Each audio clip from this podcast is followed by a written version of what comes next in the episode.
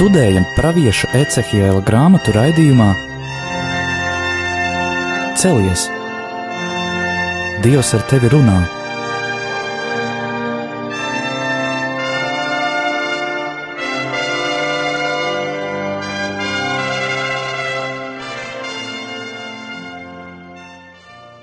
Slavēts Jēzus Kristus, mūžīgi mūžos slavēt, studijā Stela, un Anģela.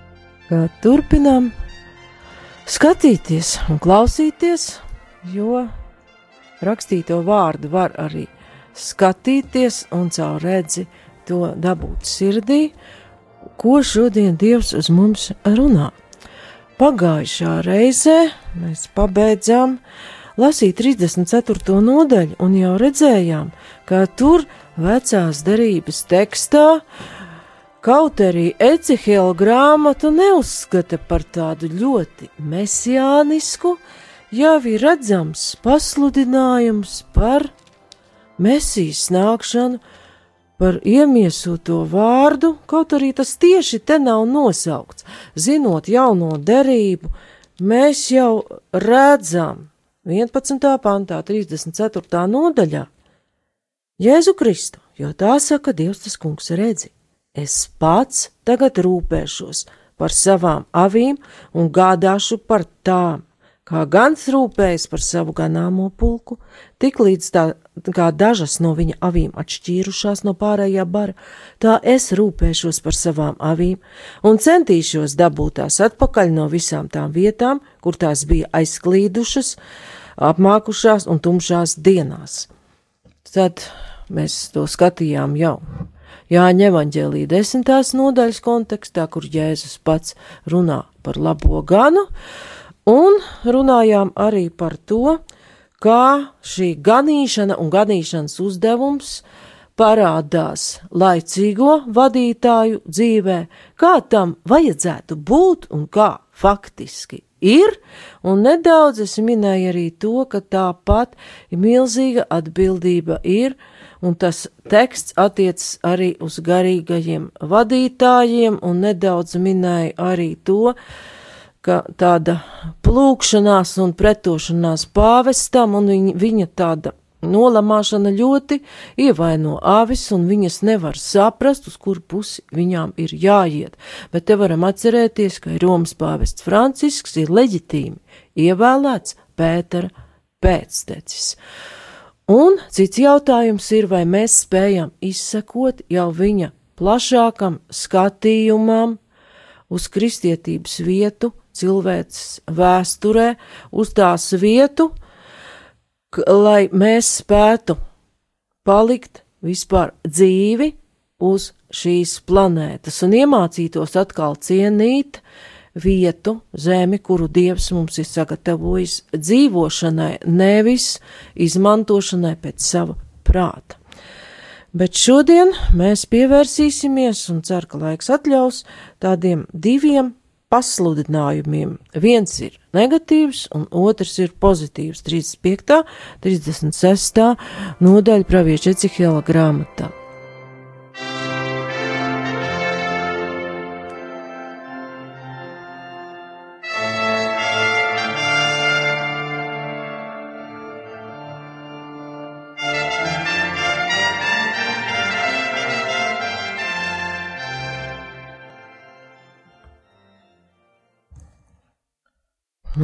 Abās šajās nodaļās pravietis tiek aicināts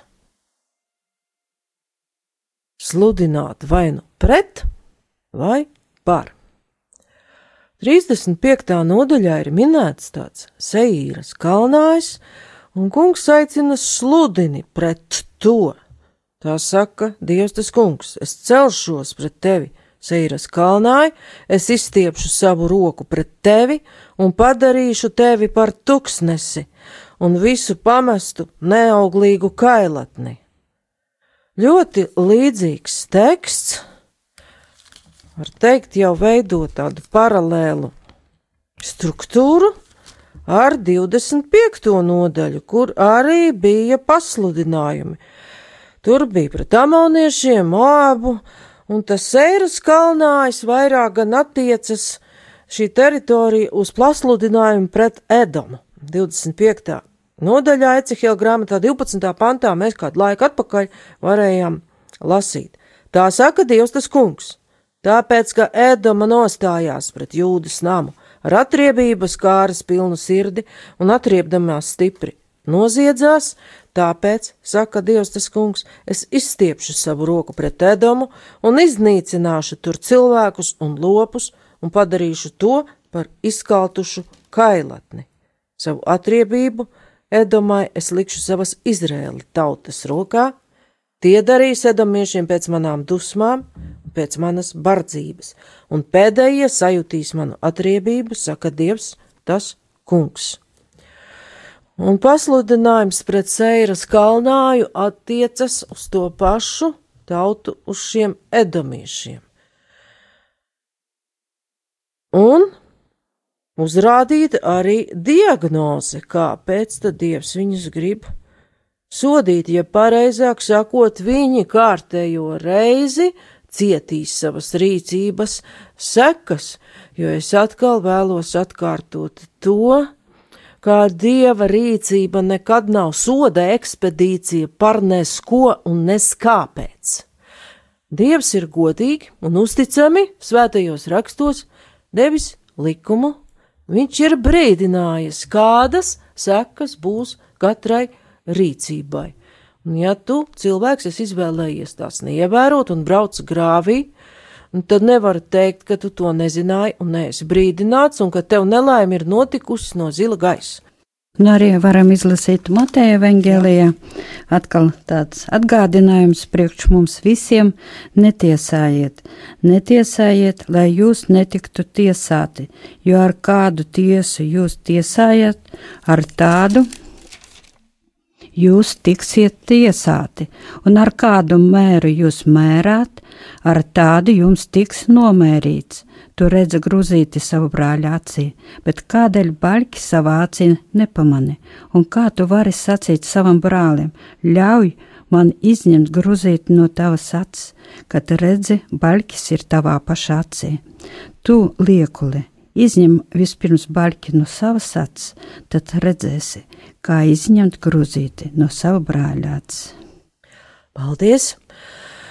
Un šis jaunās derības teksts pat diezgan tieši savienojas ar šo seno Ecehela pasludinājumu pret Seiras kalnāju.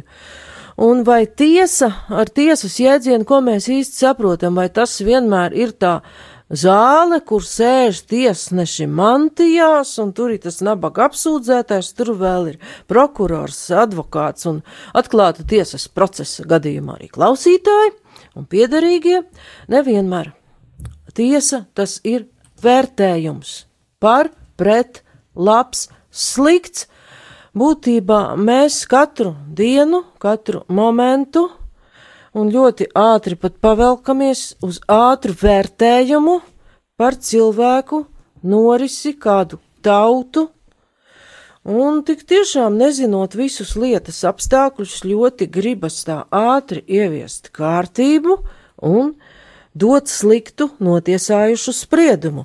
Un tā problēma te ir arī ar tiem Seiras kalnā iemītniekiem jeb edomiešiem.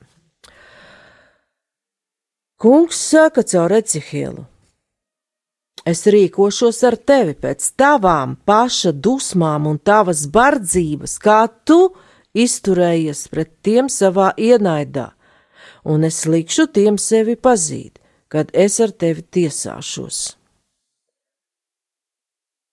Tā tad Dievs pasaka to, kas ir teikts arī Mateja evaņģēlijā, kādu mēru mēros ir tādu tevi mēros. Un 12. pantā, 35. nodaļā Ecihiela grāmatā mēs lasām, tad arī tu atzīsi, ka es tas kungs, esmu dzirdējis visus tavus paļājumus, ko tu vērsi pret Izrēla kalnāju, kad tu sacīji, tas ir izpostīts un mums nodots, lai mēs to apēdam. Tā jūs lielījāties pret mani ar savu muti, un bieži lietojat pārgalvīgus vārdus. Tos visus es esmu dzirdējis. Tā saka Dievs tas kungs. Visai zemē pa prieku es likšu tev kļūt par tuksnesi. Kā tu priecājies, kad Izraēla nama īpašums bija izpostīts, tā es arī tev atmaksāšu. Tev jāto par tuksnesi, Seiras kalnai, un kopā ar tevi arī visai Edomai, lai tu un Edoma atzītu, ka es esmu tas kungs. Tad šeit arī mēs redzam to pašu principu, ka kungs atmēro edomiešiem ar to pašu mēru, kā viņi ir mērojuši izrēliešus, ka viņi ir nevērtīgi, atmesti, nu, aprijami, okupējami, pazemojami, pakļaujami. Un vēl šajā tādā pretnostatījumā caur jaunās derības skatījumu un jaunās derības laikā mēs varam redzēt arī sekulārās pasaules un baznīcas attiecības. Arī ļoti bieži, ka tā baznīca ir tāda un šī tāda un ārā izmetama. Priekš kam viņa te vispār ir? Ir, bet ļoti ir grūti uh, dot spriedumu, nezinot visus apstākļus pat no pašiem pirmajiem gadsimtiem un pirmās baznīcas pastāvēšanas dienas. Bet, lai visu to labāk saprastu, nedaudz varam paskatīties pēc mūzikas pauzes, kas ir tas Edoms un kas ir Edomīši.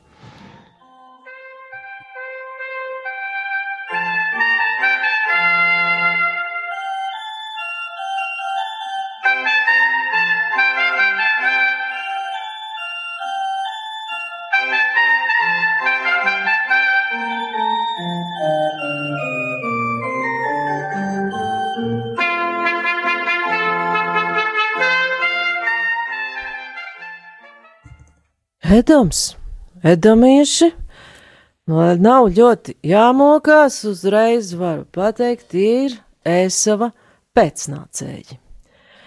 Un tad ir jāatcerās vecās derības, radīšanas grāmatas stāsts par diviem brāļiem, Jēkabu un Ēsavu, un kā tad tur ar viņiem bija.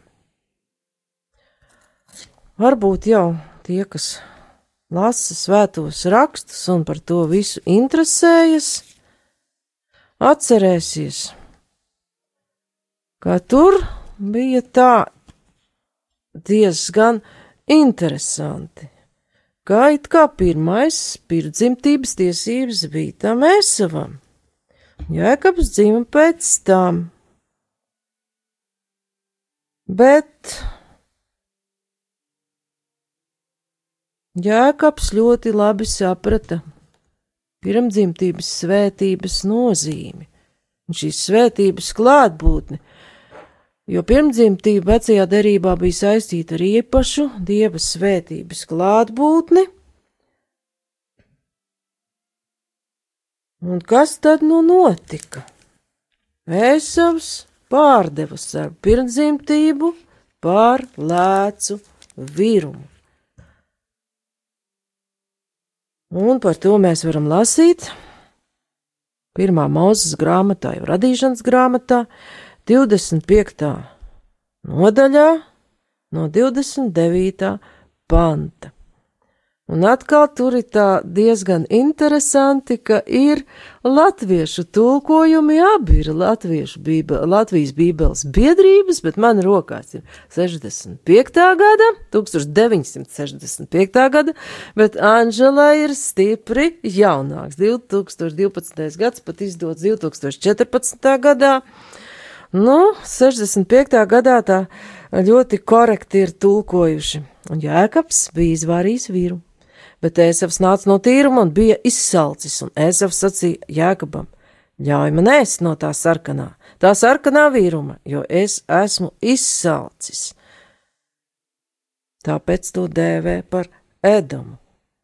Tātad sarkanais tulkojumā. Tad Jēkabs atbildēja: Pārdod man pa priekšu savu pirmdzimtību. Un es savu sacīju: Tā kā tā jāmirst, ko man tur līdz pirmdzimtība? Nu, šeit mēs redzam, ka Ēsavs pirmkārt kā primāro augstāk vērtē to materiālo ēdienu, kas fiziski viņu uzturēs pie dzīvības, un to viņa alkatību šo ēdienu jaunākais tulkojums pat izsaka labāk. Ļauj man rīt no tā sarkanā. Parādi man to rakstu tur. Un Ēsavs teica Iekabam, dod man rīt no šī sarkana, sarkana viruma, jo esmu pavisam bez spēka, tādēļ viņš tika saukts par ēdumu. Paldies! Nu, atkal, tulkojums aicina gandrīz drusciņi tajā iedziļināties. Te vienkārši, jo es esmu izsalcis. Bet jaunākais tulkojums pasaka, dod man rīt, es esmu bez spēka. Tātad viņš kaut kādā veidā, nu, dienas darbos spēku bija zaudējis, bezspēcīgs, un ir gatavs šo vīrumu nevis vienkārši civilizēt apēst, bet pat aprīt, un ar šo materiālo barību atgūt spēku. Iemainīt to pret Par dieva svētību. dievu svētību. Tad varētu teikt, pat diezgan mūsdienīga situācija, ka kā galvenais spēka avots tiek uzskatītas materiālas lietas, sākot ar ēdienu, kuru mēs uzturam savu fizisko dzīvību, un tad mēs gribam savu miesu pabarot labi, spēcīgi, veselīgāk vai neveselīgāk, un arī ar citām materiālām lietām, kā um, mājoklis, nauda, karjera, darbs un tā tālāk. Bet visā šajā rīšanas tieksmē aizmirstās, ka, ja mums ir dieva svētība, tas pārējais mums tiek piemests, jo, kā Jēzus pats saka, Mateja evaņģēlijā, vispirms dzenieties pēc dieva valstības, tad viss pārējais jums tiks dots, vai piemests tur atkal varbūt varētu meklēt šos tulkojumus, kā nu katrs uh, paskaidro Mateja evaņģēlijā šo uh, piemetumu jeb pielikumu. Tas nav mazsvarīgi, bet tas nav galvenais, un viņš tomēr arī materiālais nāk no dieva svētības, kā atkārtotā likuma grāmatas astotā nodaļā ir atgādināts, ka tev zelts un sudrabs būs vairojies, un tev būs lopi, tu būsi bagāts, atceries, kas tev deva spēku to visu dabūt. Šeit es necitēju precīzi, jo es neesmu atšķīrusi, es tikai atceros šos vārdus, bet jau vecās derības likums paskaidro no kā vispirms nāk spēks, bet nu, Esavs laimīgi paļāvās, ja pareizāk sakot, nelaimīgi uz šo sarkano lēcu vīrumu, sarkanu pat varētu teikt tāda asins krāsa un aprija, nu, un par šo rīšanas tiesību pārdeva dieva svētību. Un 36. nodaļā,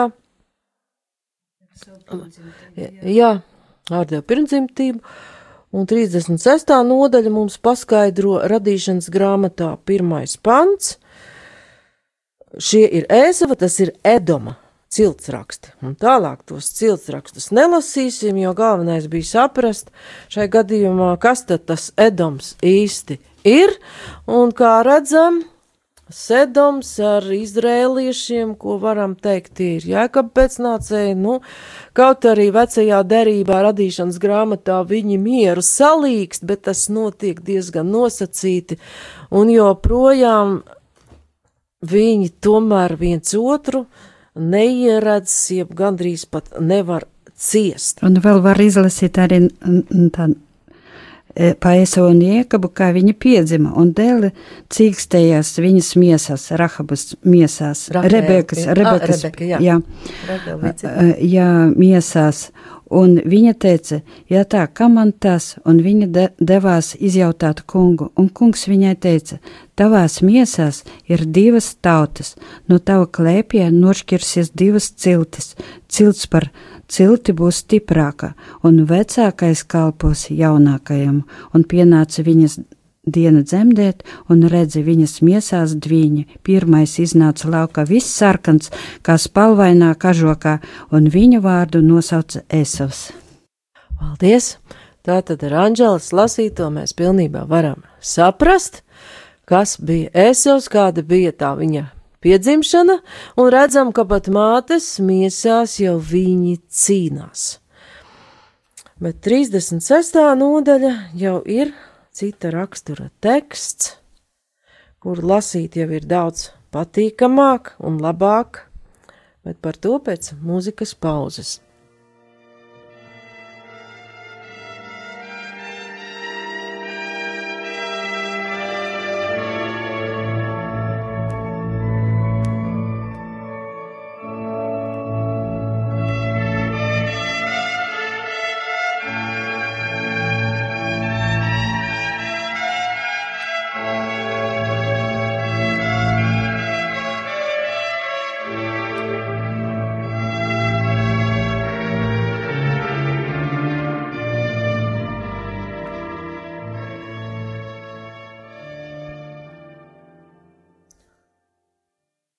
36.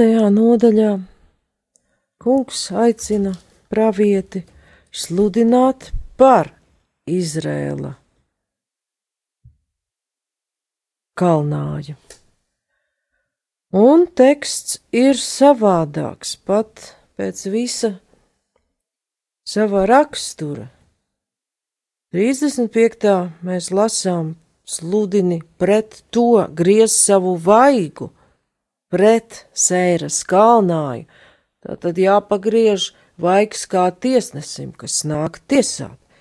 Bet šeit ir aicinājums klausīties kunga vārdu, tad ieklausīties, ko Dievs runā. Un kungs atgādina teksta sākumā. Tāpēc, ka ienaidnieks par jums saka, ah, mūžīgie kalni ir tagad mūsu īpašums, Nu, var pēc 35. nodaļas konteksta saprast, ka ir runa par to pašu ēdomu, un tālāk jau teksts ir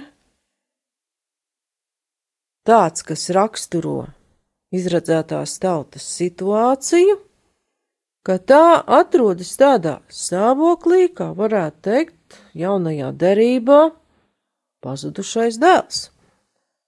Sludintiem Tā saka Dievs tas kungs, tiešām, tāpēc, ka jūs postīja un vajāja no visām pusēm, tā ka jūs nokļuvāt vēl pāri palikušo tautu varām, un nonācāt dažādu ļaužu ļaunās valodās, tāpēc jūs, Izrēla kalni, uzklausiet tā kunga vārdu.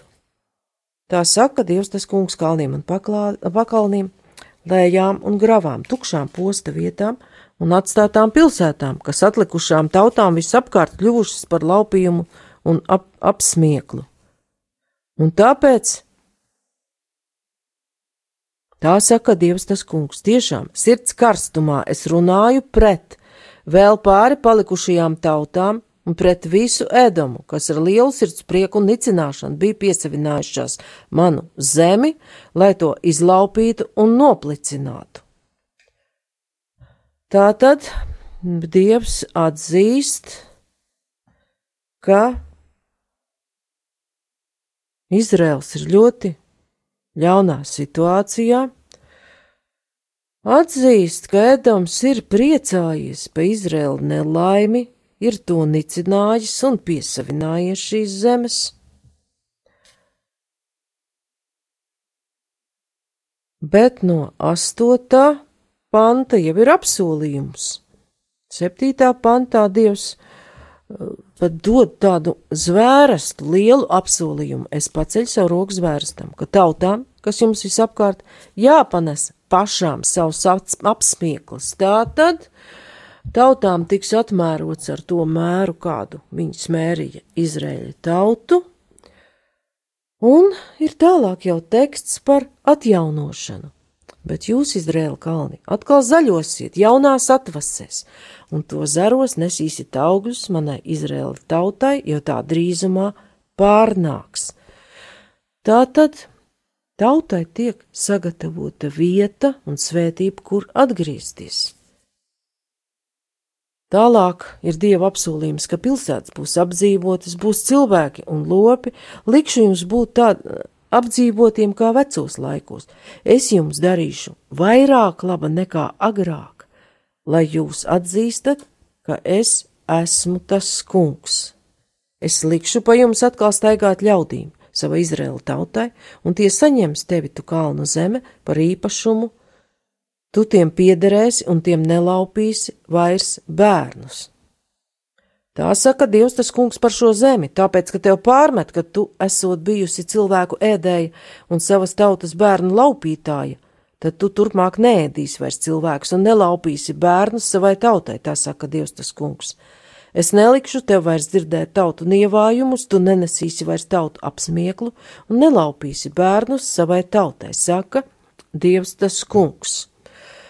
Un te šajā tekstā var redzēt norādījumu uz to, ka dieva tauta dažkārt atkrītot pieslējās pagāna kultiem, kuros tiešām notika cilvēku upurēšana, tieši bērnu upurēšana bija raksturīga moloha kultam.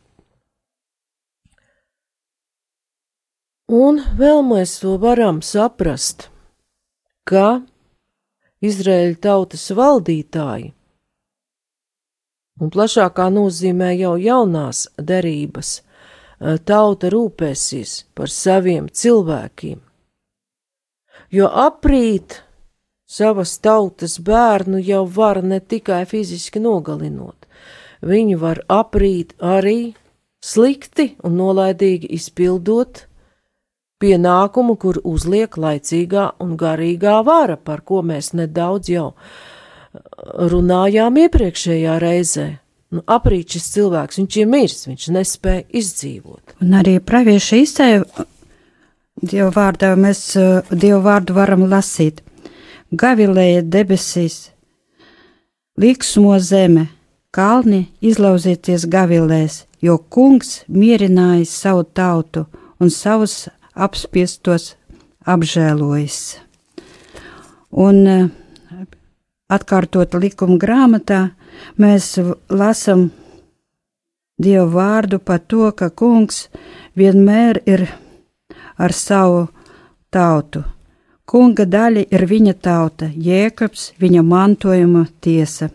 Viņš to atrada tūkstneša zemē, tukšumā, svelmē, kailatnē par viņu gādāja, to aprūpēja, sargāja kā savu acuraugu, kā ērglis nomodā par savu līgzdu, par saviem ērglēniem plīv, izpleš spārnus, tos segdams, gulda tos savās dūnās, tā kungs viens veda viņus, kopā ar viņu nebija cita dieva.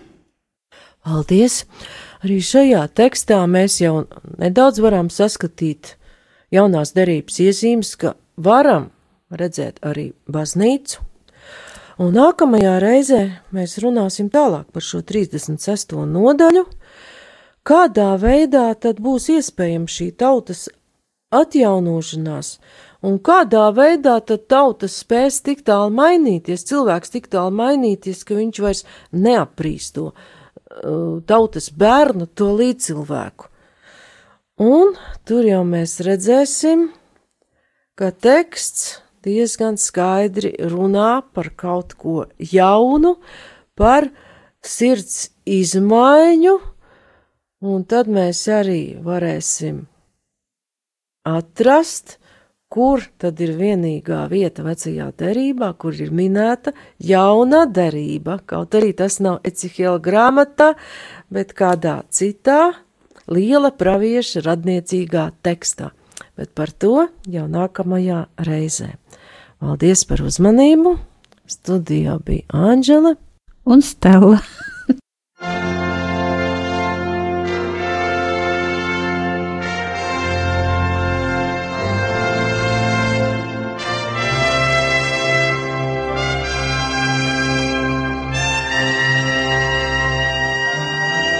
Izskanēja raidījums Celies! Dievs ar tevi runā!